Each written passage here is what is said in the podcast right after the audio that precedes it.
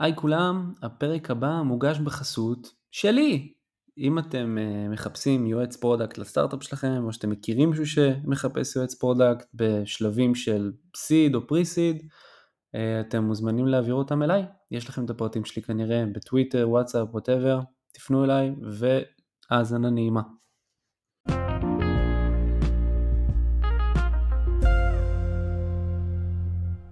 אז קודם כל, אה, ברוך הבא ותודה רבה שאתה אה, ככה פינית את הזמן. אה, ורציתי ככה לשמוע באופן כללי עליך, ככה מההתחלה ועד היום. מההתחלה ועד... סבבה, אז אני, אני אני ארליך. אני המנכ"ל ושותף מייסד של 11 Therapeutics, שאנחנו חברה שמתעסקת ב-RNA Therapeutics, בלהביא את הדור הבא של RNA Therapeutics. אני יושב כרגע באנגליה, עברנו לפני ארבעה חודשים, שלושה חודשים במשפחה, אה, כי האתר ה-R&D המרכזי שלנו נמצא בקיימברידג', אז אה, כדי להיות יותר קרוב לאתר הזה עברנו לאנגליה. אה, החברה אבל היא חברה ישראלית, יש לנו גם משרדים בארץ, יש לנו משרדים גם בבוסטון, קיימים כבר שנתיים, גייסנו 22 מיליון דולר בסיד ראונד שלנו, ולפני כן הייתי ב-MyHeritage, הייתי המדען הראשי, ולפני כן הייתי פרופסור באוניברסיטת קולומביה, במחלקה למדעי המחשב, ובמרכז לחקר הגנו בניו יורק. היה לי מעבדה ב-MIT לפני כן, וזה בערך המסלול שהייתי ב-8200, שירתי כמה שנים, תשע שנים, שעשיתי תואר ראשון תוך כדי הזמן הזה. זהו, זה, זה על עצמי. ותודה רבה שהזמנת אותי לדבר. בכיף. אה, וואו, נתת כאן מלא פרטים. אז קודם כל, אה, במקום מעניין ב-8200, איפה היית? או שאתה לא... הייתי, ב, הייתי ב-7190. אה, אוקיי. במה שנקרא אבחון, אפשר פה לספר, זה בסדר נראה לי. אה, ואחרי זה עברתי לתחומים אחרים שאני לא יכול לספר עליהם, אבל בערך הייתי ארבע שנים באבחון ואחרי זה חמש שנים בתחומים האחרים. מאוד השפיע על הדברים שאחרי זה עשיתי בביולוגיה, מסתבר שיש interface לא קטן בין ביולוגיה לבין חשיבה הנדסית אה, של תקשורת, אה, יש crosstalk, וכי אני חושב המאמרים הכי יפים שלי היו ב... בדיוק להביא את הידע הזה, את הרקע הזה של 8200 ולשים אותו בתוך הביולוגיה. אה, יש ממש דברים יפים שאפשר לעשות. אין הרבה אנשים שמכירים את שני התחומים, אז זה פשוט נתן לי עכשיו את יתרון מסוים במהלך הלימודים שלי. ומה עשית, איזה תארים עשית עשיתי בעצם? תואר ראשון במדעי המוח, שזה ביולוגיה פסיכולוגיה, ודוקטורט עשיתי ב, למעשה במעבדה של ביולוגיה מולקולרית בעיקרה, אבל בעיקר התעסקתי בביואינפורמטיקה בדוקטורט. אה, אז זה שתי, שתי התארים שעשיתי. הבנתי, אבל זה לא, אבל זה אף פעם לא היה, זה היה בביולוגיה חישובית, זאת אומרת, נגעת בתכנות, או שזה היה נטו... תכנות היא תמיד, מה, ידעתי תכנות מה, כאילו, מ-8200, אז לא הייתי, אף פעם לא, לקחתי קורס אחד במדעי המחשב של אה, אינפי אחד, זה הקורס היחידי שעשיתי בעצם יחד עם אנשי מדעי המחשב. הבנתי. אבל עכשיו זה אוקיי, הספיק להיות פרופסור למדעי המחשב באוניברסיטת קולומביה, לא יודע איך, אבל זה הספיק. אוקיי. אה, מגניב. ואז, ואז, מה חקרת בעצם בקולומביה? אז בעצם עשינו כמה דברים, אני אולי אספר לקשר מחקרים מול 8200, וזה, אני חושב שזה הדברים היפים. ש... אז בעצם עשינו, אני חושב, שני מחקרים שיש להם אינטרפייס מאוד חזק למה שעשיתי ב-8200. במחקר הראשון אה, שעשינו, או בכיוון המחקרי הראשון שעשינו, התעסקנו באיך לשמור מידע על DNA, איך להשתמש ב-DNA כמו דיסקט.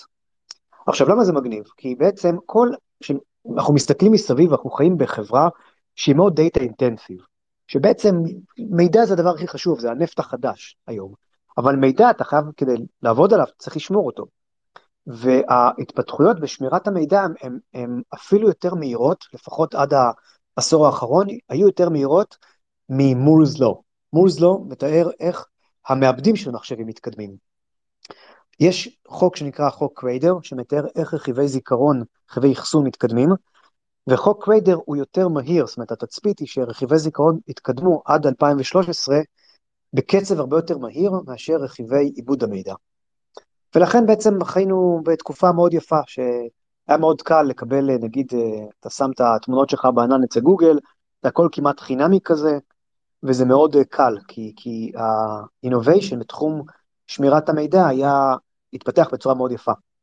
הבעיה היא שמ-2013 יש האטה מאוד חמורה בקצב ההתפתחויות בתחום שמירת המידע, ביכולת שלנו להוזיל את העלויות שלהם, עיר עובר עיר. והקצב הזה בעצם הוא יותר איטי מאשר קצב ייצור המידע שלנו. וזה יוצר מיסמאץ', בעצם בשלב מסוים לא, האנושות לא תצליח לייצר מספיק רכיבי זיכרון כדי לשמור את כל המידע שהיינו רוצים, באותו, לפי הגידול שיש היום.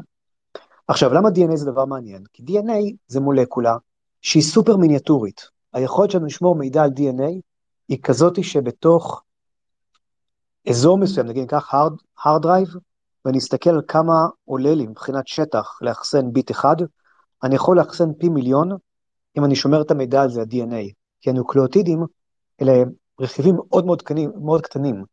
הם מגיעים במצב שכמעט לא על אטום אחד, אלא על 50 אטומים, אפשר לשמור כבר ביט או שני ביט של מידע. ולכן זה מאוד, מאוד, מולקולה מאוד מעניינת. חוץ מזה, מולקולה שנשארת הרבה מאוד זמן, הטבע עשה לה אופטימיזציה. והדבר השלישי, שהיא תמיד תהיה קיימת. זאת אומרת, בניגוד לטייפ, או ל mini disc, או ל-CD, שכבר קשה למצוא את הרכיבי קריאת מידע האלה, DNA תמיד יהיה צורך לקרוא אותו, בגלל שאנחנו עשויים מ-DNA. אז התעסקנו באיך לעשות בעצם קודים לתיקון שגיאות וארכיטקטורה, לשמור את המידע על DNA, ואפשר ממש לאחסן זאת אומרת, מידע דיגיטלי, תמונות, שמרנו תמונות, שמרנו מערכת הפעלה שלמה של מחשב, די קטנה, אבל מערכת הפעלה שלמה, אמ, סרטים, Amazon gift card, כל זה שמרנו על DNA, הדפסנו את זה על DNA, ובעצם זה בתוך טיפת מים, והצלחנו לקרוא את הטיפה הזאת בלי שום שגיאה, ומה שהיה מאוד יפה זה שהראינו שאפשר להגיע ליחס דחיסה, כאילו כמות המידע, להגיע ל-215 פטאבייט של מידע, 215 פטאבייט זה משהו כמו 200 אלף לפטופים, וכל זה נמצא על גרם אחד של DNA. גרם זה משהו שנכנס בתוך קצת כפית סוכר. אז תחשוב על 200 אלף לפטופים, כל הרכיבי זיכרון שלהם, כל ההארד שלהם נמצא על משהו שהוא בגודל של כפית סוכר.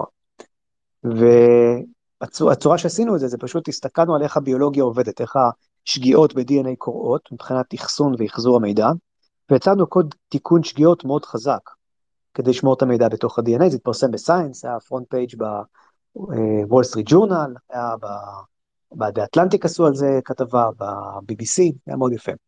אז זה מחקר אחד שעשינו. אמ, במחקר אחר שעשיתי, שהתפרסם, תכף יש לו עשור למחקר הזה, שגם לו לא יש כאילו קשר מול 8200, אמ, זה ניסינו לעשות האקינג לגנום של אנשים, ואני אתאר מה אני מנסה להסביר מה, מה זה אומר. שהיום הולכים להשתתף במחקר מדעי, מבטיחים למשתתפים אנונימיות. אומרים, אל תדאגו, אנחנו ניקח לכם DNA, אבל אנחנו לא עושים לכם את השם על ה-DNA הזה. אנחנו רק נשים כמה פרטים בסיסיים, את הדמוגרפיה שלכם אולי, אבל בטח לא השם ולא שם המשפחה שלכם ולא התעודת זהות יהיו על הדגימה הזאת. ואנחנו הראינו שאפשר לקחת DNA של אנשים, של גברים, ולחלץ את השם משפחה מתוך הדגימה הזאת. עכשיו, למה זה קורה? כי אור, אתה, השם משפחה שלך זה, אז אולי, נכון? יפה, אתה קיבלת אותו ממי? אבא שלי. אוקיי, והוא קיבל אותו מי? אבא של... אבא שלו וכהנה. אתה קיבלת את ה-Y קרומוזום שלך ממי? אה, אבא? נכון, ואבא שלך קיבל אותו מי? אבא שלו. יפה, זה יוצר בעצם איזושהי קורלציה בין ה-Y קרומוזום שלך לבין השם משפחה שיש לך. ומה שהראינו שאנחנו יכולים לקחת אנשים שהבטיחו להם אנונימיות במחקרים של, של DNA, לקחת את ה-Y קרומוזום שלהם, עכשיו זה הכל במחשב, כן? כי המידע הזה הוא פתוח באינטרנט, שמו את הגנום שלהם באינטרנט. ויצרנו איזשהו אלגוריתם שמחלט את המידע מתוך ה-Y קרומוזום, והולך לאינטרנט ומחפש באתרי גניאולוגיה אנשים ששמו את ה-Y קרומוזום שלהם בשביל הכיף. אני אגב עשיתי את זה, למדתי שאני כהן, מצאתי את הכבשה השחורה במשפחה שלי, ופשוט התאמנו בין ה-Y קרומוזום של אותו בן אדם ב-database הגניאולוגי, לבין ה-Y קרומוזום של בן אדם במחקר. עכשיו, זה לא אותו בן אדם, כן? זה פשוט, זה אנשים שיש להם איזשהו אב קדום עם אותו שם משפחה משותף לפני איזה שמונה דורות, עשרה דורות, אבל זה לא אותו בן אדם. ולכן, ה-database ים הגניאולוגיים האלה, שהם כמה מאות אלפי אנשים, יכולים לזהות חלקים נרחבים מאוד מהאוכלוסייה האמריקאית, שכמה, יש מעל 330 מיליון אנשים. אז הראינו שאנחנו יודעים לשחזר את השם משפחה של הבן אדם מתוך ה-data הגנומי שלו, ואם אני לוקח את השם משפחה ויודע קצת פרטים דמוגרפיים שנותנים אותם חלק מהמחקר, כמו הגיל שלו, או ה-state בארצות הברית, גיל וסטייט, ושחזרתי שם משפחה, אני מגיע לבן אדם, או מאוד קרוב אליו. וזה עשה... זה אותו עיקרון, זה 23andMe עושים לי אותו דבר, הם כל פעם שולחים לי מיילים ואומרים, יש לך בן דוד רחוק, הם תמיד איכשהו בפריז כמובן, כן. ו- וכולם שולחים לי כזה הודעות, מה קורה, בן דוד רחוק, ואני לא רוצה להכיר אותך. נכון. כאילו, אני לא... עכשיו, הבן כן. דוד, זה, זה כאילו בתוך database, מה, מה ש... זה, זה שיטה, אז זה פרסמנו ב-2013, ב-2013 איך לשחזר שמות משפחה, ואז ב-2018 עשינו שיטה אחרת, שבה אמרנו ככה, תראה, אור, אתה כנראה, אתה ויש לך אחים ואחיות? כן. אוקיי, אז אתה ואחיך ואחיותיך ביחד, אתם הקבוצה היחידה בעולם, כנראה, שאפשר לתאר אותה כבני דודים מדרגה שלישית של איזה מישהו מצד אבא שלך, בוא נקרא לו דני, זה דני שהוא בן דוד מדרגה שלישית מצד אבא שלך, ובני דודים מדרגה שנייה, שאיזשהו בחור או בחורה מצד אמא שלך, בוא נקרא לה סימה, סתם. אתם היחידים בעולם שהמרחק הגנטי שלכם הוא שלוש בני דודים מדני ושתיים מסימה. אין עוד בן אדם, אין עוד קבוצה כזאת בעולם. תחשוב על זה כמו איכון גנטי, אני מודד מרחקים גנאולוגיים מאנשים, ואני מגיע לחיתוך שבו קבוצה אחת של כמה אחים ואחיות הם בעצם היחידים שיש להם את המרחק הגנטי הזה. המרחק כמו הגנאולוגי. טריאנגולציה, כמו טריאנגולציה בסלולר, אותו דבר. בדיוק. בדיוק. עכשיו במקום שיש לך בסלולר BTS, יש לך תחנות בסיס, פה יש לך אנשים שאתה יודע מי הם, נגיד השתתפו ב-23andMe, המפה שלך היא לא מפה טופוגרפית, אלא מפת גנאולוגיה, והמרחקים הם מרחקים של מרחקים גנטיים. שיש להם את ה... כמובן, כמו שבסלולר יש לך איזושהי שונות על המרחק הטופוגרפי שלך בגלל מהירות האור, פה יש לך איזושהי שונות מסוימת על, על ה... בגלל איך שהגנטיקה עובדת. יש לך איזשהו... בגלל מוטציות. לא, לא מוטציות, אלא יותר כאילו הגנטיקה היא לא...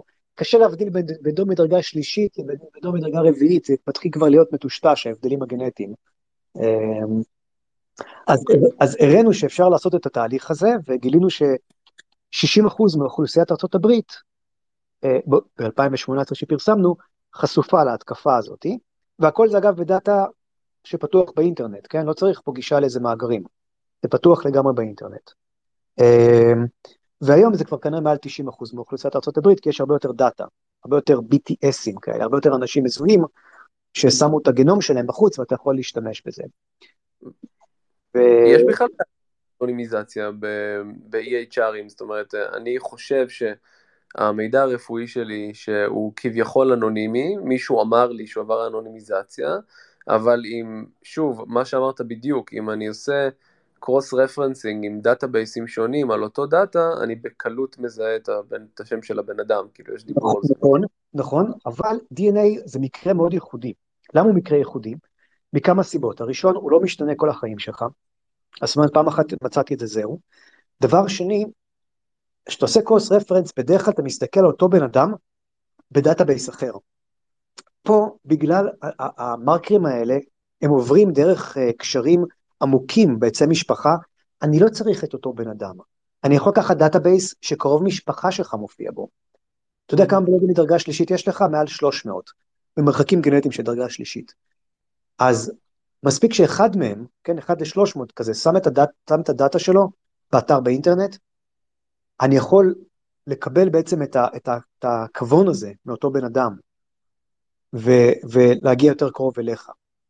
אז הרעיון הוא שזו שיטה שהיא מאוד חזקה לעומת שיטות uh, של קרוס רפרנס ב-EHR, כי הדאטה הגנומי הוא קודם כל הוא רב-ממדי, הוא לא משתנה, ואני יכול להשתמש באנשים שהם לא, קרובים, שהם, שהם לא אתה בדאטאבייס אחר. וזה מאוד ייחודי, הדבר הזה. עכשיו, מה שאותי מטריד זה לא לזהות אנשים במחקר, כמו למשל שבו, תחשוב כזה מבחוך כזה, כן? זוכר שהיה את ה... חיסלו אותו, זו חוליה של המוסד, והקטרים אז היה, ניסו למצוא את האנשי המוסד האלה כן. בבגדי טניס. תחשוב עכשיו. שעושה דגימת DNA של האנשים האלה, כי DNA קשה מאוד לא, לש... לא לשים אותו, אמ, לא לשים אותו ב... לראות שאתה שרפת את כל הראיות שלך, כן? מספיק שזרקת בדל, בדל סיגריה או אכלת באיזשהו משהו, יודעים שאתה אכלת ואף אחד לא נגע בזה, ה-DNA שלך על אותו, אותו כלי. לוקחים את ה-DNA הזה ועכשיו מנסים למצוא בתוך אוכלוסיית ישראל מי אותו בן אדם שמתאים. עכשיו זה דאטאבייסים פתוחים, ואם אפשר לזהות את הבן אדם הזה, זה מאוד חמור, כי אותו בן אדם, פעם הבאה שהוא יטוס לחו"ל לטיול המשפחה, יכול לקבל הצעה שהוא אינו יכול לסרב לה. זה הסיפור המטריד בכיוון הזה של הקשר הזה, של, של היכולת הזאת. וזה יכול להיות לא סימטרית, כי הדאטאבייסים האלה הם מוטים אוכלוסייה מערבית, ונגיד הסינים יכולים לעשות את זה לאמריקאים, האמריקאים לא יכולים לעשות את זה לסינים, כן? מגניב. ושתי המחקרים האלה אתה עושה בקולומביה? זה עשיתי באוניברסיטת קולומביה, עשיתי הראשון היה ב-MIT, השני התפרסם באוניברסיטת קולומביה, כן. אבל זה אבל החיים האקדמיים שלי, זה כבר מה שעשיתי בעבר. איך עשית, ובאמת, איך עשית פתאום את הטרנזישן הזה מאקדמיה לתעשייה? אני יודע שזה אה, שינוי מאוד מאוד רציני. אז אמ, יעצתי ל... זה באמת סיפור מאוד יפה. כשפתחתי את המעבדה שלי ב-MIT, רציתי לבנות עץ משפחה מאוד גדול. אני גנטיקאי, אני אוהב עצי משפחה, ושלחתי קולד אימייל לאתר שנקרא gini.com, ל-CTO שלהם, והוא אמר לי, אתה יכול להוריד את כל המידע, זה 2010, עוד לפני שהפרטיות ודברים כאלה, הורדתי את כל המידע מהאתר, ואז MyHeritage קנו את האתר, את geni.com, והם פתאום שמעו שאותו בחור שעובד על privacy uh, ו-genetics, לקח להם את כל ה-data. אז היה לי שיחה מעניינת עם המנכ"ל של MyHeritage ב-2013, ושמרנו על קשר חברים מאז. וב-2016, כשנכנסו לתחום של DNA, הם הציעו לי לייעץ להם, ו... ואחרי שסיימתי את הייעוץ, אמרו לי, אתה היית רוצה להצטרף? אמרתי, תמיד היה לי את החלום שאלך לסטארט-אפ, כאילו, אקדמיה כבר הרגשתי שעשיתי הכל. פרסמתי מאמרים high profile, הסטודנטית הראשונה שלי הפכה להיות פרופסור בעצמה, ה... קיבלתי grant ים מכל מי שאפשר לקבל, כאילו עשיתי הרבה checkboxes. אמרתי, אוקיי, כאילו מפה זה, זה, זה לא יכול הרבה יותר להשתפר, אין הרבה הישגים שעוד אפשר לעשות שהם אה, מעניינים אותי, אבל סטארט-אפ עוד לא עשיתי. אז הצטרפתי ל-MyHeritage, והייתי שם במשך אה, ארבע שנים, כמעט ארבע שנים, וככה בעצם עשינו את המעבר הזה. מה אה, עשית שם אבל? בעצם פיתחנו את כל היכולת בדיקות DNA של MyHeritage, זה היה ה... בשנתיים הראשונות זה יכולת הבדיקות DNA של MyHeritage הבסיסיות, הגנאולוגיות, בשנה השלישית הוספנו מוצר רפואי, שגם נותן פרדיקציות רפואיות על אותו דאטה, שיש פה הרבה עבודה רגולטורית הייתה פה, עבודה של איך לתרגם את התוצאות ליוזרים, ולא רק האלגוריתמיקה. ובשנה הרביעית בעיקר התעסקתי בקורונה, כי זה היה ממש סביב הפריצה של הקורונה, ואז בעצם היינו קצת מוכנים, כי כבר התחלנו להסתכל בינואר 2020, התחלנו להסתכל על מחלות מדבקות, כאיזשהו משהו שיכול להיות איזושהי התפתחות של החברה, ואז אז קצת נכנסנו לתוך התחום של בדיקות מעבדה למחלות מדבקות, ולא רק בדיקות DNA, ואז כשהתחילה הקורונה, ממש במרץ, כבר ראינו כאילו, היה לנו איזשהו פור כזה, שזה חודשיים של אה, אה, בדיקות אה, למחלות מדבקות, של לחשוב על איך עושים דבר כזה, וככה הגענו בעצם למעבדה הזאת של ההריטג', שהייתה המעבדה הפרטית הראשונה בישראל שעשתה בדיקות קורונה. ובמסה, נכון? כאילו עושים את זה ב-scale, אני זוכר שזה... ב-scale ענק, כן, כן, זה היה הגיע ל-70 אלף בגל הרביעי, 70 אלף בדיקות ביום, זה היה scale כאילו שהוא אחד מהגדולים בעולם, זה scale מכובד מאוד, לא רק לישראל, אלא לעולם. עכשיו זה חלק מזה, אני חושב קצת, כאילו הגאווה פה, שאני חושב שחלק מהזמינות הגבוהה של בדיקות בישראל, היא מה ששכנע בסוף את פייזר להביא את החיסונים לישראל מוקדם יחסית, כי הם רצו לראות מה קורה, ואתה יכול לראות מה קורה רק אם יש לך כמות בדיקות גבוהה, ואתה יודע למצוא את כל ה... להשוות את, ה, את הנדבקים למי שלא נדבק. אבל אני חושב שזה גם זה עשה פה טוב בהמשך, לא רק לניהול של המגפה, אלא גם ליכולת להביא את החיסונים אחר כך. לגמרי. כן. ואז, ולמה עזבת את MyHeritage? זה נשמע כמו מקום די מדהים למישהו עם הסקילסט שלך.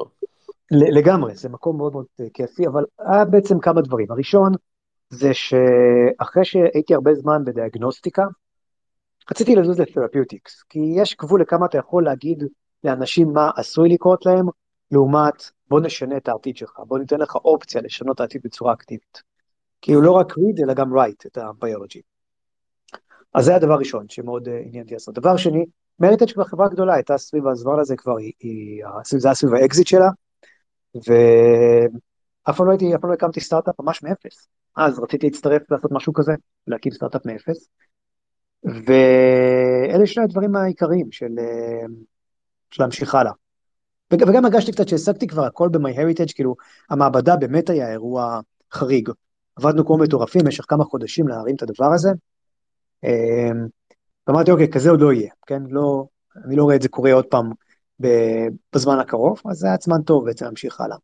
אבל איך, איך זה עבד? זאת אומרת, הגעת להחלטה שאתה אומר, אני רוצה לפתוח סטארט-אפ ב-therapeutics, ואז כאילו... כי אני יודע, אני אגיד לך למה אני שואל, כי בעולמות אה, שלי, של הייטק, אתה יודע, אני רוצה לפתוח סטארט-אפ, אה, כל הכלים לרשותי.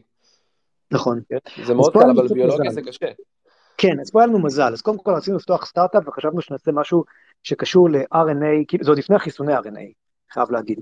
אז נעשה משהו שקשור ל-RNA ול-pandemic preparedness, שהתעסקנו במה שנקרא uh, RNA interference, שזה מולקולה, זה לא כמו החיסון, היא לא יוצרת חלבון בגוף, אלא היא עושה הפוך, היא משתיקה, משתיקה גן בתוך הגוף. אז... Uh, למה, דרך אגב? למה היא משתיקה או למה רצינו לעשות את זה? למה רצינו לעשות את זה? אה, מכמה סיבות. הראשון היה שהזדינו פה הזדמנות, ש, שזה תחום שהוא מתפתח מאוד בשנים האחרונות, אבל אין מספיק חברות שעובדות שם, ויש לנו איזשהו רעיון, היה לנו רעיון מאוד מעניין איך לעשות את זה יותר טוב. האמת שהיינו קצת נאיבים בהתחלה, אני חייב להגיד, כן, היום אנחנו במקום אחר, אבל היה לנו רעיון די מעניין. דבר שני, מעבדת הדוקטורט שלי התעסקה, היא הייתה מה... בין המעבדות שג... בעולם שגילו את ה... איך, ה... איך האפליקציה הזאת עובדת, איך אפשר להשתיק גן באמצעות RNA, לא איך אפשר ליצור גן חדש באמצעות RNA. אז היה לי איזשהו אה, יתרון שם. וגם שאלת, אמרת כאילו, איך, איך מתחילים דבר כזה? דיברתי עם המנחה שלי לשעבר בדוקטורט, אמרתי לו, תשמע, אנחנו רוצים להקים איזה חברה, וזה, אתה יודע, אמר, יאללה, אני בתוכו.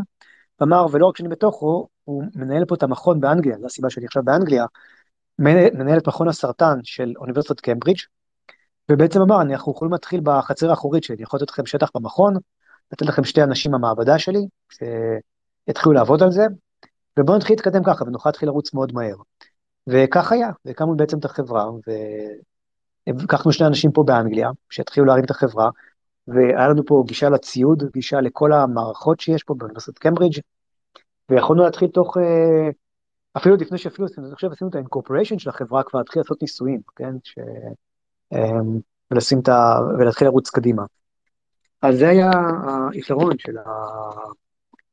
אה, של לעשות את זה מ... בקמברידג' אה, בצורה הזאת. ומה ההיפותזה? זאת אומרת, מה הניסויים? מה אתם מנסים לפתור? אוקיי, okay, אז עכשיו בעצם הגענו אחרי תהליך שכאילו שקצת התמחינו יותר בתחום הזה של RNA Therapeutics, ההיפותזה שלנו היא כזאת, היא אומרת הדבר הבא, היא אומרת, ניתן ניתן רגע איזה הקדמה קטנה, כן? כי זה טיפה שונה מהייטק אולי. החיסוני RNA, שאני מניח שרובנו פה ב Space קיבלנו, הם בכלל לא RNA. יש בתוכם נוקלאוטידים ששינו אותם, כי אם אני סתם אקח ואזריק למישהו RNA, זה ייצור תגובה דלקתית אה, אה, שהיא לא, ת, לא תיתן, כאילו, הבן אדם יסבול וכמעט לא ייווצר חלבון. כי הגוף שלנו שונא RNA חיצוני, הוא חושב שזה וירוס, והוא נלחם בזה, כאילו הוא נלחם בווירוס. ולווירוסים אגב יש מנגנונים אחרים שעובדים על הגוף, כן? אה, כדי להתחמק מהמנגנונים מה, מה הפשוטים של הגוף להילחם ב-RNA חיצוני. אז מה שעשו בחיסוני ה-RNA, חיסוני ה-mRNA, שינו את אחד הנוקלאוטידים. הבינו שיש סנסור בגוף שמחפש את הנוקלאוטיד הזה בתוך ה-RNA, ופשוט שינו. עשו שינוי מאוד קטן, שמו קצת כמה אטומים על, ה, על אותו נוקלאוטיד, כמה אטומים קטנים ששינו אותו, ומה שקורה, פתאום הסנסור הזה של הגוף לא, לא חש כל כך את המולקולת RNA הזאת יותר. מצד שני, הגוף עדיין יכול ליצור את החלבון בלי שום בעיה. אז זה כזה צורה ללכת בין הטיפות. עכשיו, זה, וזה כאילו, זה בכל ה... זה גם בחיסון של פייזר, גם בחיסון של מודרנה. יש עכשיו אה, תביעה מאוד גדולה בין מודרנה לפייזר, מי המציא את זה, מודרנה טוען שפייזר הפרו את הפטנט שלה על הפיתוח הזה, אבל זה תחום מאוד מאוד חם, אוקיי, ומאוד חזק. אבל הם שמו רק, הם שמו cap, סוג של cap אטומי על, על אחד מהנוקלאוטידים, כדי שהמערכת החיסונית לא תזהה. מנגד, אבל כשאני עשיתי את החיסון, כן חטפתי כאפה על איזה חצי יום. כתבת את הכאפה, אבל זו כאפה שהייתה לפחות ספציפית לספייק, כן, הגוף שלך, הגוף שלך שהוא רואה ספייק זה אימונוגני, אבל זו תגובה שהיא ספציפית. המערכת חיסון שלך היא כמו חבורה של ערסים שמחפשים מכות, כן? אתה רוצה לגרום להיזכר בבן אדם מאוד מסוים, לתת הכאפה לבן אדם מסוים, לא פשוט מכפכף. כאילו, אתה לא רוצה שזה יהפוך להיות אירוע של זריקת כיסאות כתר, אלא שזה יהיה מאוד מאורגן, כן? אם אתה סתם מזריק RNA זה אירוע של זריקת כיסאות כתר. היא, היא לא, לא נוצר שום זיכרון לגבי הספייק, וכן נוצרה תגובה מאוד לא כיפית בשבילך. הבנתי. אז זה היה דקירה נקודתית בחולון. זה דקירה נקודתית בחולון, אפשר לחשוב על זה ככה, או כן, משהו, או פרצ... זה הפרצוף שאתם צריכים לפוצץ אותו, כן? הבנתי, סבבה. עכשיו, ה... הבעיה פתאום נהיית בעיה חישובית, שאתה חושב על זה. כי אני יכול לעשות הרבה מאוד שינויים כימיים בתוך מולקולות RNA. השינויים האלה, זאת אומרת שינויים אטומיים כאלה קטנים, אבל אני לא יודע את החוקיות, זה בסוף בעיית קלסיפיקציה. בואו רגע נעשה shift לעולם שאולי פה אנשים יותר מתחברים אליו, ל DALL-E, כן, איך אנחנו יוצרים תמונות באינטרנט, ונחזור תכף ל therapeutics. ב DALL-E, כן, הרי אנחנו נותנים prompt למחשב, איזשהו משפט קצר, והמחשב הולך ובונה על תמונה של 1024 pixels על 1024 pixels, הוא שם צבע בכל אחד מהמיליון פיקסלים האלה, הוא שם צבע, הוא בוחר בין 65 אלף אופציות, נכון? 2 בחזקת 16. אופציות ושם את הצבע בתוך הפיקסל וככה נוצרת התמונה. זאת בעיה שהמחשב צריך לקבל המון החלטות, הוא מקבל את זה מאוד מאוד מהר את ההחלטות האלה, כי אימנו אותו על כל האינטרנט כדי לקבל את ההחלטות האלה. עכשיו בואו נחזור חזרה למולקולות RNA. גם במולקולות RNA במקום פיקסלים יש לנו את הנוקלאוטידים במולקולה. במקום צבעים יש לנו שינויים כימיים. והייתי מאוד רוצה גם כן לבוא למחשב ולהגיד, הנה מולקולות RNA, שבבקשה תיתן לי מה הקומבינציה על השינויים הכימיים הכי טובה למולקולה הזאת, בפרומפט. ואידיאלית היינו רוצים שבמקום שיהיה פשוט צבעים ופיקסלים, הוא ייתן שינויים כימיים לתוך פוזיציות של מולקולת ה-RNA שלנו. מה שאנחנו מפתחים ב-11 זה בדיוק את המערכת הזאת. אנחנו מפתחים יכולת ללמד קודם כל, ליצור המון המון דאטה של מולקולות RNA, שיש להם שינויים כימיים, ולהגיד מה השינויים האלה עשו בתוך איך תאים מגיבים, שנותנים את המולקולות האלה. ואת זה ללמד בעצם מערכת AI שתחבר בין השינוי הכימי לבין ה output הביולוגי שהן נותנות. אז שאלה פסיק שאלה. אני יודע היום ש-DNA, RNA וכולי, זה פשוט שרשרות של נוקלאוטידים שונים. נכון. ואם אני רוצה ככה לשנות את החלבון, את התרכיב וזה, אז אני פשוט משנה את הנוקלאוטידים עצמם, ואז יש לי רצפים שונים. אתה נכון. אומר שיש כאן עוד מימד, שמעבר לסיג, ל, ל, לאותיות עצמן, לסוג הנוקלאוטיד, אתה אומר שעל הנוקלאוטידים עצמם יש עוד שינויים כימיים שאתה מוסיף, כמו ה cap הזה ששמנו על ה-RNA. בדיוק, בדיוק. עכשיו, אתה בעצמך אמרת, יש DNA ו-RNA. עכשיו, מה, מה ההבדל בין DNA ל-RNA? ההבדל בין DNA ל-RNA זה אטום חמצן בתוך קבוצת הסוכר של הנוקלאוטידים. יש עוד אטום אחד של חמצן, עכשיו תראה איזה שינוי ענק זה עושה. ההבדל בין DNA ל-RNA, כולה אטום אחד של חמצן. אז תחשוב שאני יכול להוסיף בצורה מלאכותית אטומים חמצן בנקודה הזאת, ואני יכול להוסיף שם קבוצה שנקראת פלואור, ואני יכול להוסיף קבוצה שנקראת אה, קבוצת מטיל, ואני יכול לשים את הקבוצת מטיל הזו בכל מיני נקודות.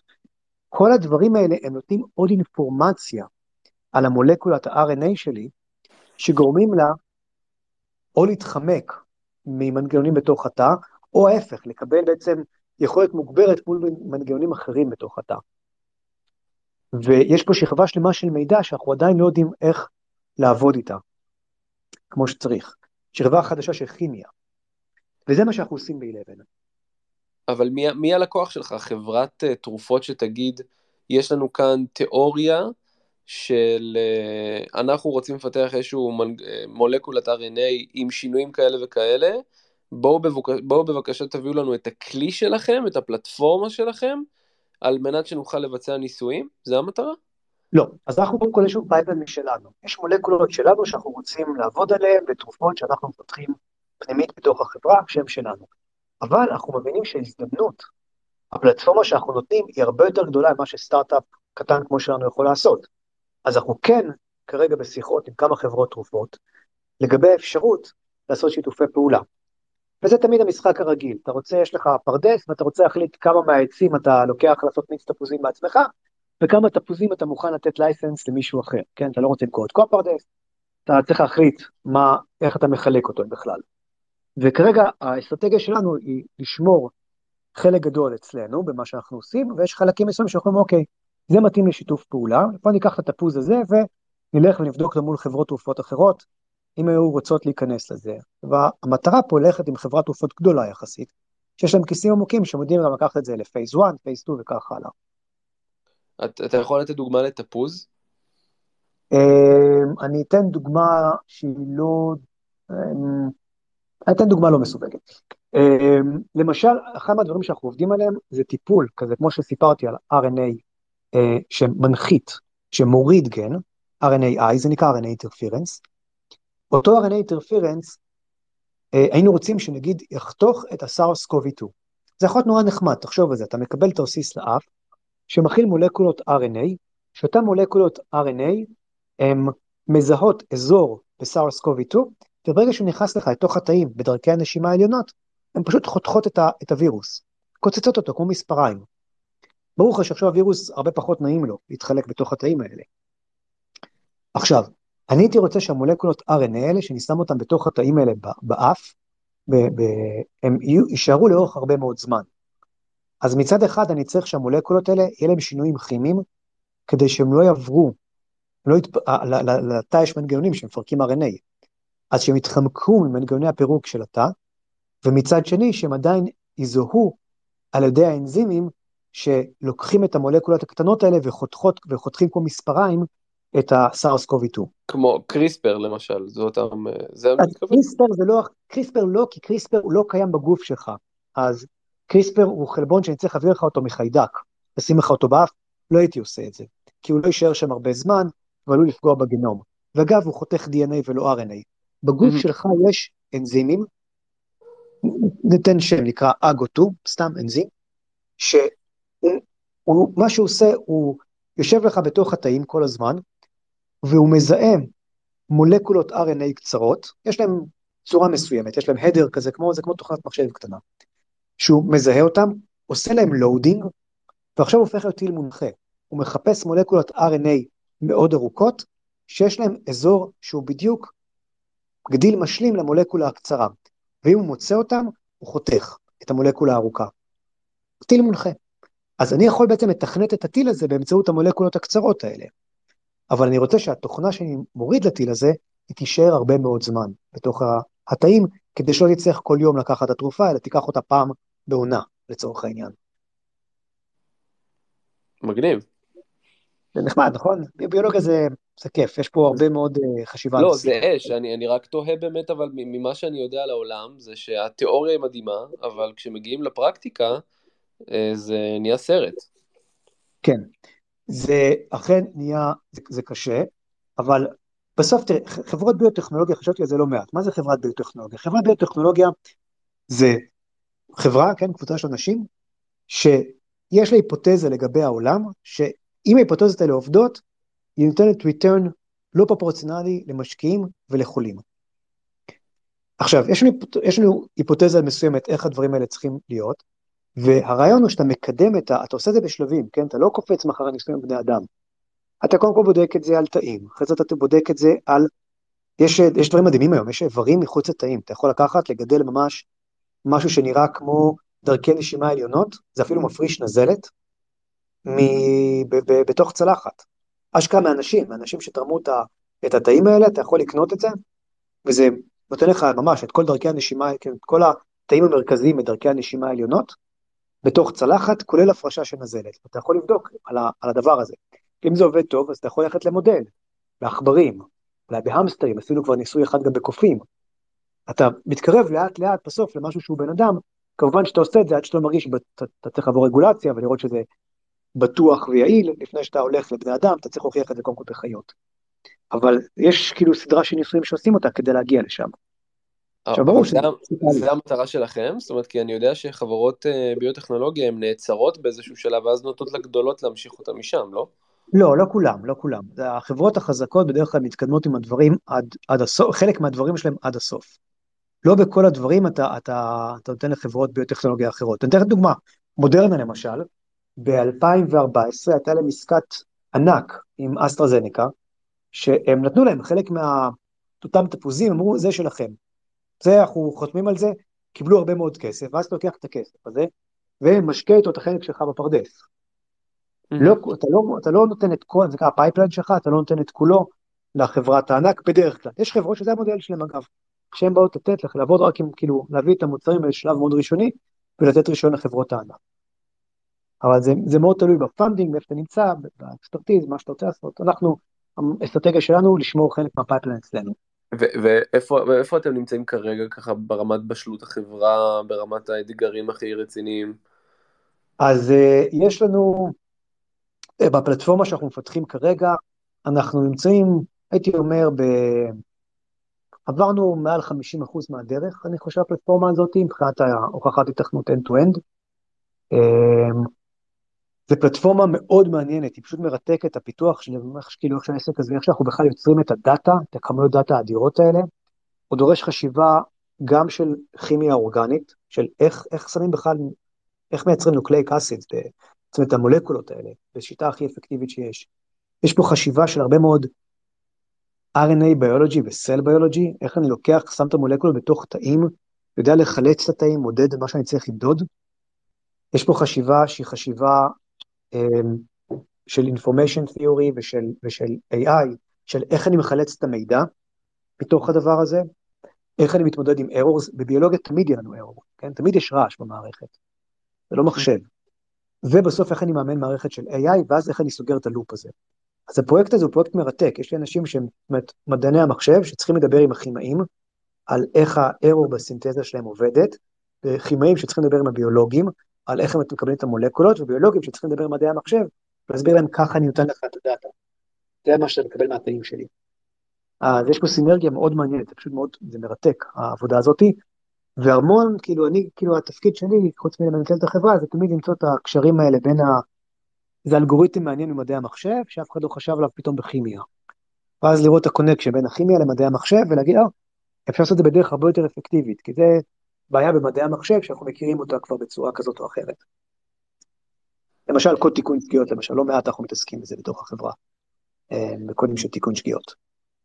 אה, זה לא דורש אבל אה, בעצם, אני יודע לפחות, שוב, עוד פעם אני משווה קצת להייטק, אצלנו זה מאוד ברור, הגעת ל-seed, הראת קצת היתכנות traction, אתה מגיע ל-A, ב-A מתחילים להסתכל על retention, כל מיני דברים כאלה, זה מאוד ברור. בעולמות של ביולוגיה וזה, יש קצת אי ודאות לגבי העתיד, נכון? זאת אומרת, נכון, אתה צריך לגייס נכון. די הרבה כסף מההתחלה, ומה, בעצם, מה, אה, מה, מה ה-benchmark הבא? כאילו, מה אתה צריך להראות כן. בגיוס הבא? זו שאלה מעולה, זו שאלה מעולה.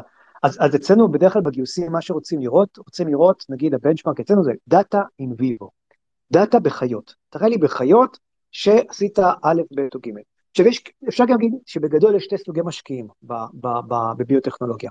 יש מה שנקרא משקיעים קלאסיים. משקיעים קלאסיים מסתכלים רק על האסטס שלך ואיפה הם עומדים. מה זה האסטס? נגיד סתם, פיתחת את אותו אה, פיתוח שאמר, דיברתי לך על קוביד, אז קודם כל הם בודקים האם זה מעניין אותי מבחינה מסחרית, אם אני חושב שיש פה שוק. אגב, קוביד זו דוגמה לא טובה, כי רוב המשקיעים לא רוצים להשקיע במחלות מדבקות, הם חושבים שצריך לקבל כסף שהוא נון דלוטיב, שהם צודקים לגמרי, זו הסיבה שיש לנו את ה-Gates Foundation. אמ, אז הם מסתכלים על ה-pipeline שלך ובודקים קודם כל האם אתה עובד על אינדיקציות שלדעתם הן נכונות, והאם, באיזה שלב אתה נמצא, כמה אתה מתקדם בתהליך. וככל שאתה יותר מתקדם בתהליך, אתה הלכת מניסויים נגיד בתאים לניסויים במודלים של בעלי חיים, וככל שהתקדמת מעכבר נגיד לצורך העניין קופים, קופים זה ה- the best that you can get in, in כאילו בבעלי חיים, הערך של החברה עולה, והם מרגישים יותר confident. בדרך כלל ב-A רוצים כבר לראות שיש לך ניסויים ב-small animals, משקיעים קלאסיים. יש לעומת זאת בשנים האחרונות תפיסה חדשה, משקיעים שמשקיעי פלטפורמה, שהם אומרים, אוקיי, האינדיקציות זה כמו אפס באפל סטור. מאוד נחמד, חשוב לנו, אבל יותר חשוב לראות מה מערכת ההפעלה מתחת. האם אתה מישהו שיכול לייצר הרבה מאוד אפס בזמן קצר יחסית? הם משקיעים יותר, יותר אוריינטציה טכנולוגית, פחות אוריינטציה רפואית. נגיד A16Z, הפאנד שלהם של, של, של, של הביולוגיה, בעיקר הוא משקיע שמתעסק בפלטפורמות, אותו דבר לקס קפיטל, ויש עוד סדרה שלמה של משקיעים כאלה. Mm-hmm. והם בעיקר אותם מעניין לראות האם אתה, האם הפלטפורמה שלך עושה משהו חדש, האם אתה מביא לשוק מודליטי, סוג תרופה חדש לגמרי, או יכולת דיסקוברי חדשה לחלוטין. פחות מעניין אותם כרגע על מה אתה עובד, כמו אוקיי, אתה תמיד יכול to pivot למשהו יותר מעניין. אבל מה בסוף, ה- ה- כמערכת הפעלה, מה אתה מביא? בתוך השוק. כן, במקום שנסתכל על תפוז, במקום להסתכל על איקס תפוזים ואיפה הם ורמת הבשלות שלהם, להסתכל שהרמת פרדס.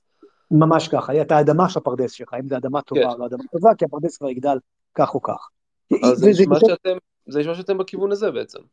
אנחנו בכיוון הזה לגמרי, כן, לגמרי בכיוון הזה, שמשקיעים שיותר מסתכלים על, ה, על הפלטפורמה ועל היכולות שלה, אבל זה צריך לזכור, כי באמת יש פה מאזינים שמאזיני ביוטק, הם לא מתעסקים רק על הפלטפורמה, צריך לבוא אליהם גם מסיפור, להגיד אוקיי, זה האינדיקציות שאנחנו חושבים עליהן, זה הסיבה, ולהראות שיש פה באמת, שאם ניקח את הפלטפורמה ונמצה את הפרדס הזה, יגדלו עליו עצים, שיש פה גם תפוזים עסיסיים, ולא רק דברים שהם פוטנציאל לתפוזים עסיסיים.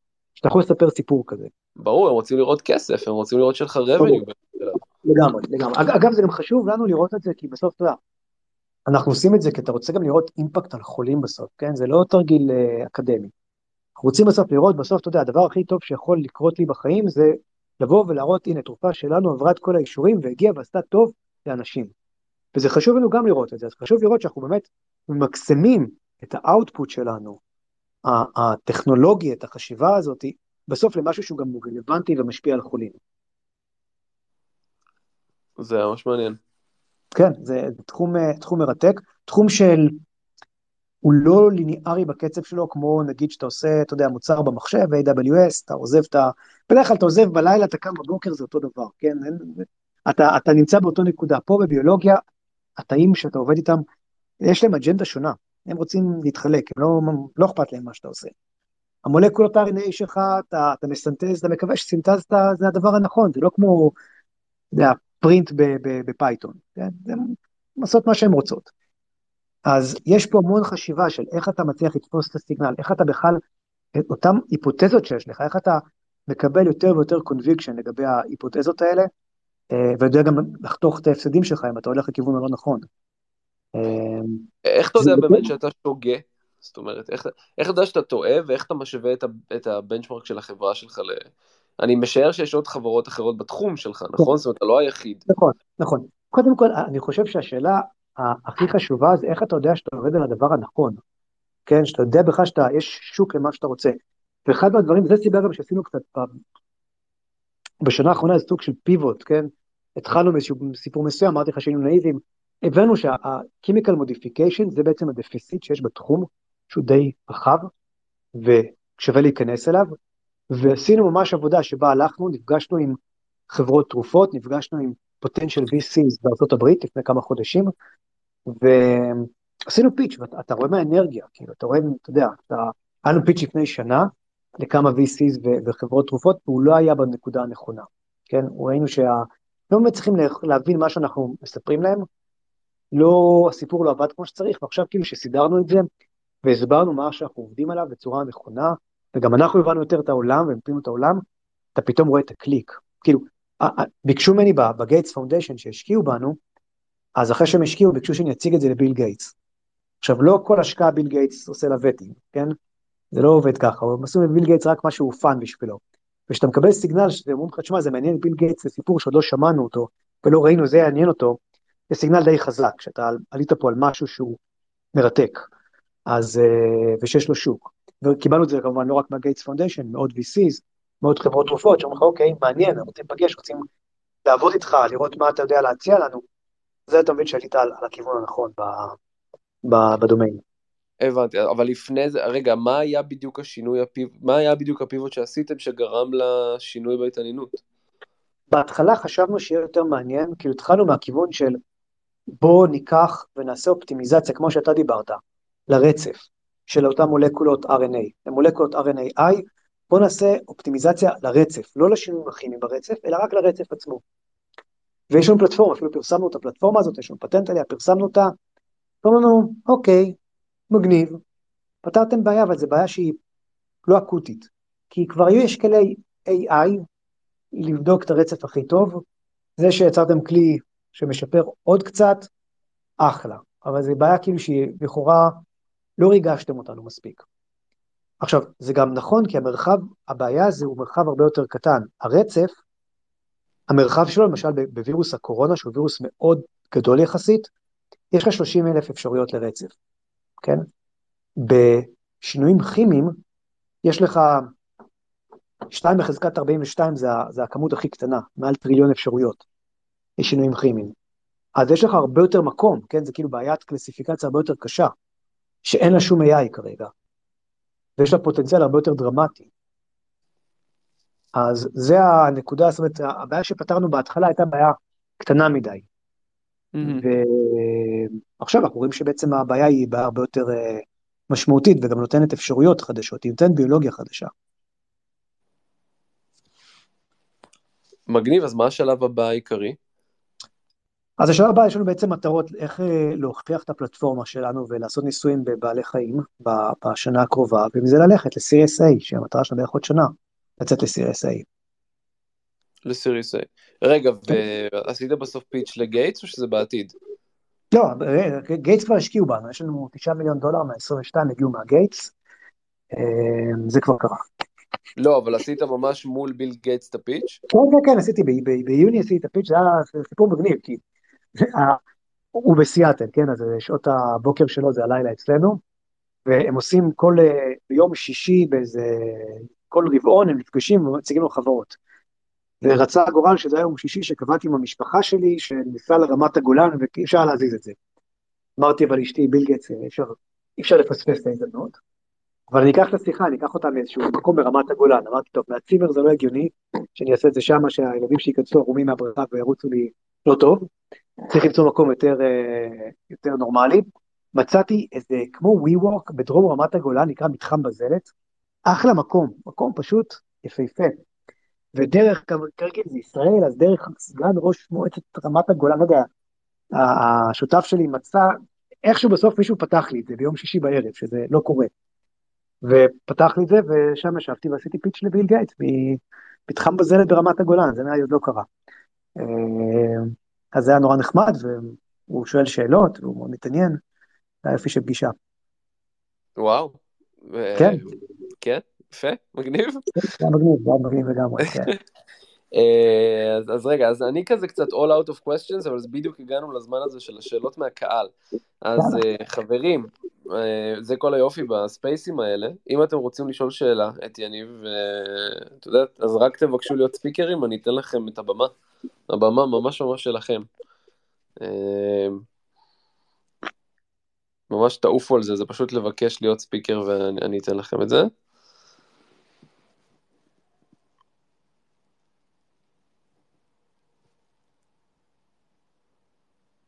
בינתיים תספר לי, יניב, כמה אתם בחברה?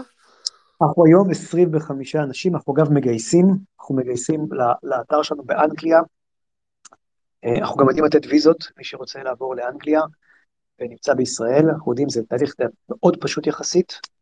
אה, ולמדתי כמה חודשים שעכשיו באנגליה, שהחורף פה הוא לא מאוד חמור כמו שאתה חושב שהוא. זאת אומרת, אין, אין הרבה שמש, זה נכון, אבל הייתי. 11 שנה ב-East Coast, והחורף פה זה פשוט סוכריה לעומת ה-East Coast, אין לי בערך להשוות את זה אפילו. אתמול בלילה הלכתי עם המשפחה לקיו גארדן, לראות את האורות של Christmas, שם פשוט מהמם, ואתה הולך בכיף, מעיל, פשוט עם מעיל, זה הכל, לא עם uh, כובע גרב וארבע שכבות עליך, כמו שאתה ב-East Coast בשלב הזה של השנה אחרי Thanksgiving, פשוט עם מעיל.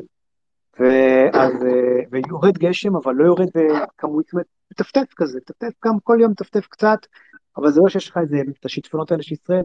אני חושב שהבריטים עשו לעצמם שיווק כזה לא טוב, שמזג האוויר פה הוא באמת בסדר גמור, הוא לא, הוא לא נורא, הייתי, הייתי באיסט קוסט והרבה יותר, כאילו, סבלתי ממש במזג האוויר שם בתקופה הזאת השנה, אני פה באמת יוצא אה, לריצות בערב והכל סבבה ויש פה חיים אאוטדור, אין ספק. מגניב.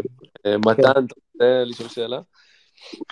כן, אני אשמח, תודה. אה, זה לגבי ה-data storage שדיברת עליו בהתחלה ב-DNA, הרי בסוף, בסוף יש לנו את ה... צריך לקרוא גם בחזרה את ה-DNA, כן? אז נראה לי, אם, אם אנחנו מסתכלים נגיד על Illumina, אז יש לך בעיה כי אתה צריך לעבוד ב-short fragments, ואז זה מוריד לך חלק מהיעילות של, ה, של הדרך שבה אתה שומר את ה-DNA, ואם אתה עובד בננופור, אז האחוז טעות שלך מאוד גבוה, אז, אז איך, איך מתקדמים על זה, או, ש, או ששוב, יש משהו שאני, טכנולוגיה שאני לא מודע אליה. כן, זו שאלה מאוד מאוד טובה. העניין עצמו זה שמלכתחילה, גם כשאתה שומר את המידע, שאתה מייצר אותו, אתה מסנטז, אתה, אתה לא יכול לסנטז לונג פרגמנט, אתה מלכתחילה מוגבל לשורט פרגמנט. אז יש פה חיבור די טוב בין הסינטוז לבין אילומינה, בגדול, ואתה, מה... כאילו, הצורה שבה אנחנו עובדים בה, תחשוב על זה קצת, מי שמאזינים פה מכיר TCP/IP ו-packet, זה מאוד דומה. אנחנו בעצם כל גדיל של DNA הוא כמו packet, שב-packet הזאת יש לנו בעצם איזשהו pointer שאומר איפה אנחנו בתוך ה-stream, כאילו איפה אנחנו בתוך ה-file, אז נגיד ה-20 נוקלאוטידים הראשונים, זה רק pointer שאומר אנחנו ב-file בנקודה מספר 40,354 בתים מההתחלה, כן, סתם. ושאר הדאטה זה איזשהו payload מסוים, ובסוף איזה קוד תיקון שגיאות או קוד אה, אה, בדיקה אם יש לך שגיאה או לא. זו הצורה הכי נאיבית לשמור את המידע, והיא compatible עם הרבה צורות שאנחנו מתעסקים בה של data stream, והיא compatible עם sequencing של Illumina. אז אין איזו טכנולוגיה חדשה שאתה לא מכיר, זה פשוט Illumina עם headers אה, של דאטה שאומרים איפה אנחנו בתוך ה-file. אוקיי, ממש מגניב, עלה לי על התשובה, תודה. תודה, תודה על השאלה. עוד מישהו רוצה לשאול שאלה, חברים? תרגישו חופשי, יש לנו עוד כמה דקות. נתתי איזו הזדמנות דבש.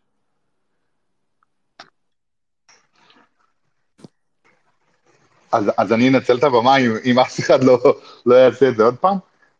יאללה. אמ, לפי דעתך, אה, בהנחה ואתה, אם נגיד היית נמצא במקום כזה שיש לך איזשהו אה, שביב של התחלה של סטארט-אפ בידיים, ו... אבל אתה, אני באמצע הדוקטורט, אתה היית ממליץ קודם כל לסיים את הדוקטורט, גם אם זה אומר לא לרדוף אחרי העבודה שיש לך עכשיו בידיים, או אה, כאילו כמה זה, הדוקטורט הזה, אתה, אתה רואה אותו חשוב בעולם של תעשיית הביוטק. כן, זו שאלה מאוד טובה. אז, אז כאילו, אתה יודע, חסרים קצת פרטים איפה בדיוק בשלב, באיזה שלב הדוקטורט וכו'. אני חושב בגדול, אם כבר התחלת דוקטורט, ולא נשאר לך עוד המון שנים לסיום, תסיים. כי היכולת שלך, זאת אומרת, זה קצת באסה בביוטק, אבל הטייטל הזה של דוקטור בביוטק, הוא, הוא קצת כמו כזה להיות קצין בצבא, זה כן נותן לך איזשהו רישיון, שאתה, נגיד אומת ההייטק, ששם זה באמת לא משנה, נותן לך את האפשרות, כן, היכולת שלך לקבל funding תגדל, היכולת שלך לייצר סביבך עצמך צוותים, בסוף קצת יחפשו את, ה, את הדוקטורט הזה, לפחות עד שתוכיח את עצמך בדרך אחרת. אז ייתן לך head start יותר טוב, זו התחושה שלי, אבל uh, אם אתה ממש סובל מהדוקטורט, אז, אז בטח לא לעשות משהו שסובלים ממנו. Uh, אבל אם זה בסדר, ואגב, אם זה רעיון טוב, הוא יהיה גם טוב עוד שנתיים יכול להיות, כן? זה לא משתנה כל כך מהר כמו בהייטק, כן? זה לפעמים קורה שיש רעיונות שהם גם דורשים בשלות מסוימת, בשלות שלך, בשלות של התחום, אז לא, לא הייתי רץ מהר לעזוב את הדוקטורט, אני חושב שזה אירוע משמעותי ביזמות של ביוטק. אמ, אורי, יעקב? אני קצת אידיוט, רציתי לדעת מה ההבדל בין ביוטק להייטק. אני, ביוטק זה בסוף היכולת, אמ, קודם כל יש תחומים שהם די משיקים, נגיד digital health, זה תחום שהוא בין ההייטק לבין הביוטק. בביוטק בסוף אנחנו שואלים שאלות על מערכות ביולוגיות ואיך ליצור therapeutics, דיאגנוסטיקה, יותר טובים למערכות האלה. בהייטק בסוף אנחנו באים לתת איזשהו מוצרים שהם, כן, שהם מבוססי uh, תוכנה שאין להם קשר בהכרח לביולוגיה וקשר ל, ל, למחלות.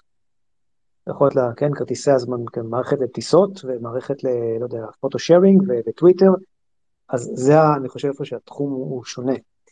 עכשיו, אולי זה קצת, כן, קצת ב-flavor של התחום, אבל אני חושב שאחד מהדברים הכי גדולים בביוטק, שהם מאוד, הופכים אותו להיות מאוד שונה מהייטק, שמעבר לדומיין עצמו, הוא הרגולציה.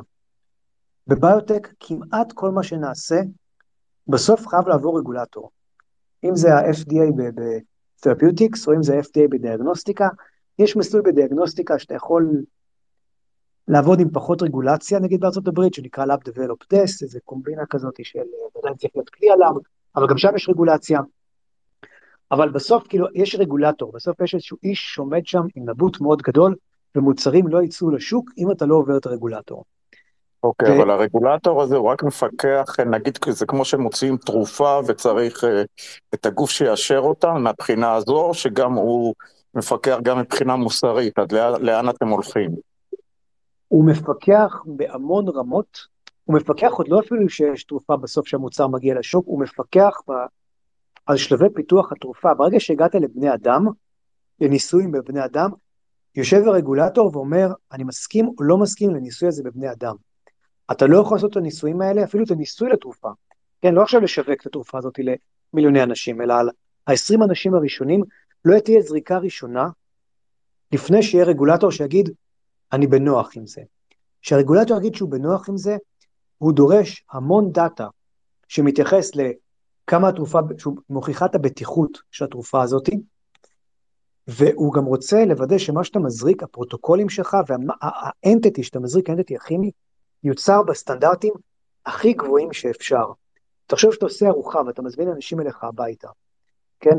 אתה מוציא עכשיו, אני לא יודע, עושה ביצת עין או whatever, יש לך את הפרוטוקול שלך איך אתה מייצר ביצת עין, אבל יש כנראה וריאביליות, חלק מהביצים יצאו לך יותר טוב, חלק פחות טוב. הרגולטור דורש שאנחנו נדע בדיוק איך אנחנו מייצרים את אותה ביצת עין, שהיא תמיד תצא אותו דבר, ואם היא לא יוצאת אותו דבר, אנחנו יודעים להגיד עד רמת וריאביליות מסוימת, אם זה מוסכם או לא מוסכם, מה המשמעות שהיא לא יוצאת אותו דבר, ולתאר בדיוק את ה... גם בניסויים בעלי חיים, שנתנו להם דברים מאוד מאוד דומים, כן? כי כשאני מייצר מוצר כימי, שהוא מוצר, אני, אני לא בדיוק מייצר רק את המוצר עצמו, אני מייצר גם כל מיני תוצרי לוואי שלו, אני צריך לדעת בדיוק מה ייצרתי, איך אני מוציא את התוצרי לוואי האלה, אני נותן חומר שהוא טהור מספיק אה, אה, כדי להגיע לבני אדם.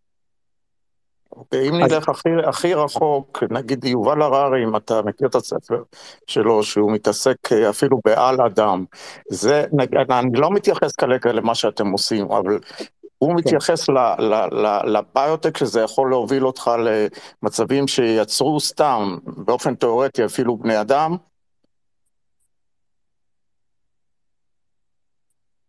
לא, לא שומע אותך, אורי, תחזור. אה, שמעת אותי?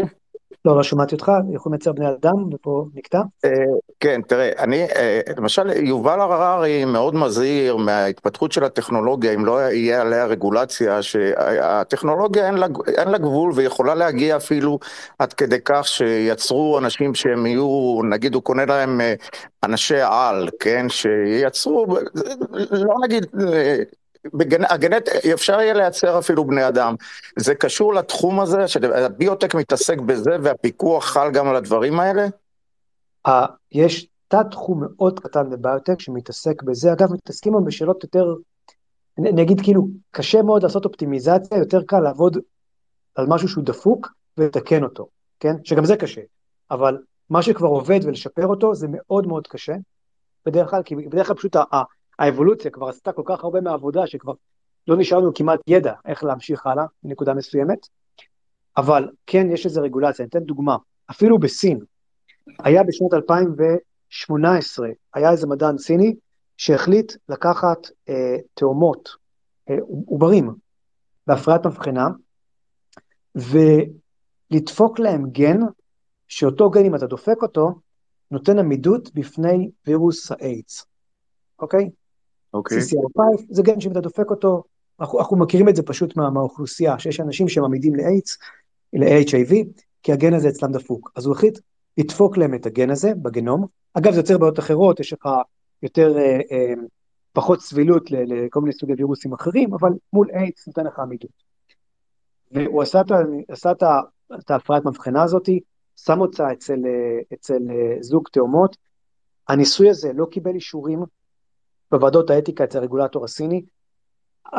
אפילו הסינים שהם בדרך כלל מאוד, יש להם רגולציה מאוד מאוד שונה, ויותר נגיד נקרא לה פרו-טכנולוגית ופחות אה, פרו-הגנה על זכויות הפרט, הם השתוללו עליו. הבן אדם הזה נכלא, הניסויים האלה לא הצליחו להתפרסם בשום ז'ורנל, אמ, היה על זה חקירה גם בארצות הברית, כי הוא התייעץ עם מדענים אמריקאים, היה על זה חקירה בארצות הברית בכמה אוניברסיטאות, זה עשה מהומה ענקית. אז בוודאי שיש רגולציה, כל מה שנוגע בבני אדם, בסוף יש רגולטור שאומר לך אם מותר לך או אסור לך לעשות את זה. אתה לא יכול לעשות מה שבא לך. תודה רבה לך, זה היה חשוב לי לדעת, אני מאוד מודה לך על המידע הזה. תודה רבה על השאלה. זיווה? דרך אגב, רציתי לשאול משהו בסגנון של מה שאורי דיבר, כי באמת תהיתי אם הפתרונות האלה יכולים להוות פריצת דרך בתיקונים, אבל בעצם יניב כבר ענה שבעצם קודם כל המהמורה היא לא בהכרח אה, טכנולוגית, אלא קודם כל אה, אתית, ובעצם הם לא חופשיים לעשות כל פתרון שהם רוצים, אם אני לא טועה, נכון? לגמרי, אגב, אפילו בניסויים בעלי חיים יש רגולציה, כן? גם בבעלי חיים שאתה הולך, אתה לא יכול לעשות מה שאתה רוצה, אתה צריך להראות פרוטוקול, שאתה יודע שהבעל חיים זה לא יגרום סבל מיותר, יש, אתה מנטר את הבעל חיים, אתה רואה שהוא סובל, אתה, אתה determinate כדי שלא יסבול. אה, הדברים האלה עוברים רגולציה, הדברים שהם יחסית, יחסית חופשיים זה ניסויים בתוך תאים. בתוך תאים אתה יכול לעשות מה שאתה, כמעט מה שאתה רוצה, גם יש דברים, אתה לא יכול פתאום להפיק וירוסים בתוך תאים, אתה צריך, לזה צריך אישורים בתאים, אבל אתה יכול בתוך התאים לטפל בחומרים רגילים. כל זמן שזה בטוח לנסיין, אתה יכול לעשות את זה. זה קשור לכבשת דולי? יש קשר לדבר הזה? יש קשר לדבר הזה. בדולי מה שעשו, לקחו והצליחו לשבט, לקחת תא אה, של חיה אחת, וללא הפריה ליצור חיה שנייה, שהיא בעצם העתק מדויק שלה. אגב, בצמחים זה קורה כל הזמן, כן? בצמחים יש אה, צמח נושר, יש תא אחד והוא מתחיל את הצמח הבא, כן? פה בבעלי חיים היה צריך להתגבר על כמה מנגנונים שונים, והראו שזה, הצליחו לעשות את זה. אבל אז עצרו את זה, כאילו, עצרו את הדבר הזה.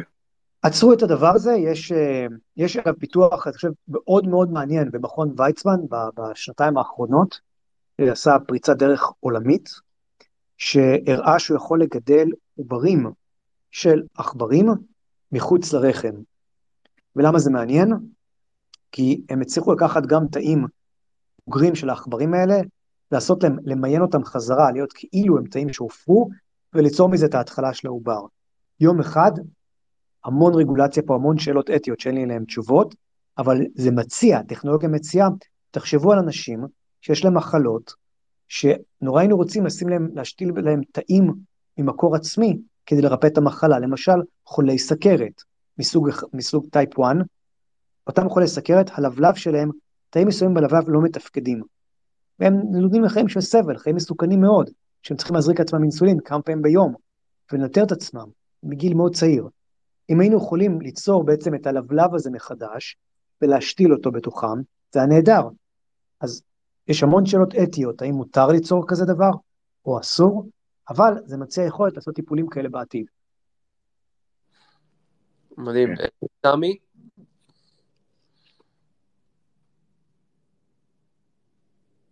אהלן, אה, רק להעיר כמה הערות, אה, קודם כל מאוד מעניין יניב, להעיר כמה הערות, בעיקר למי ששואל שאלות, אז קודם כל יש הבדל גדול בין פיתוח תרופה, אני פשוט מהתחום, אני דוקטור לפיזיולוגיה וביופיזיקה, עוסק הרבה שנים בפיתוח של כל מיני דברים בתחום, עושה הרבה מנטורינג, משקיע, יש הרבה הבדל בין א', פיתוח תרופה לפיתוח של למשל מכשור רפואי, אני אתן דוגמה מאוד פשוטה, בפיתוח תרופה למשל המפתח חייב להצ... לקבוע שיש איזשהו מנגנון ביולוגי שהוא מכיר אותו והוא חייב לדווח מהו המנגנון, הוא חייב להוכיח שזה המנגנון, להבדיל במכשיר רפואי, אני יכול להצהיר שהוא עושה X או Y, או Y כל עוד הוא בטיחותי, הוא יעיל לשימוש, השני מדדים שנמדדים ברפואה שזה safety ו-efficacy, אני יכול לספר איזה סיפור שאני רוצה לגבי מה שהוא עושה, כמובן שזה צריך להיות סיפור הגיוני, אבל אני לא חייב להוכיח את הסיפור עצמו, את מנגנון הפעולה עצמו.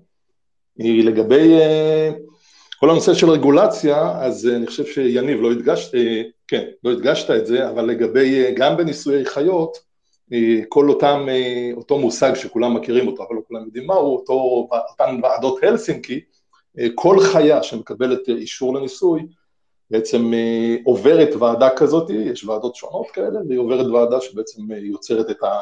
קובעת האם ההגשה שהגישה חברה שמפתחת משהו בקשה למספר חיות ולסוג החיות וכו', היא ראויה או לא. בהחלט, כן, זה נקודות חשובות מאוד, תודה שאתה מדגיש אותן. יש עוד מישהו שרוצה לומר משהו לפני שנסיים, חבר'ה? כי אנחנו כבר, אה, מה שנקרא, אה, מעבר אה, לזמן. תודה רבה לכולכם, תודה רבה לכם. יניב, אני, אני רוצה לסכם, תודה רבה רבה רבה לך, זה היה ממש ממש מרתק. תודה רבה על הפלטפורמה. בכיף, ו- וזהו, תודה לכולם שהאזנתם, ושיהיה לכם ערב נפלא. להתראות. ביי ביי.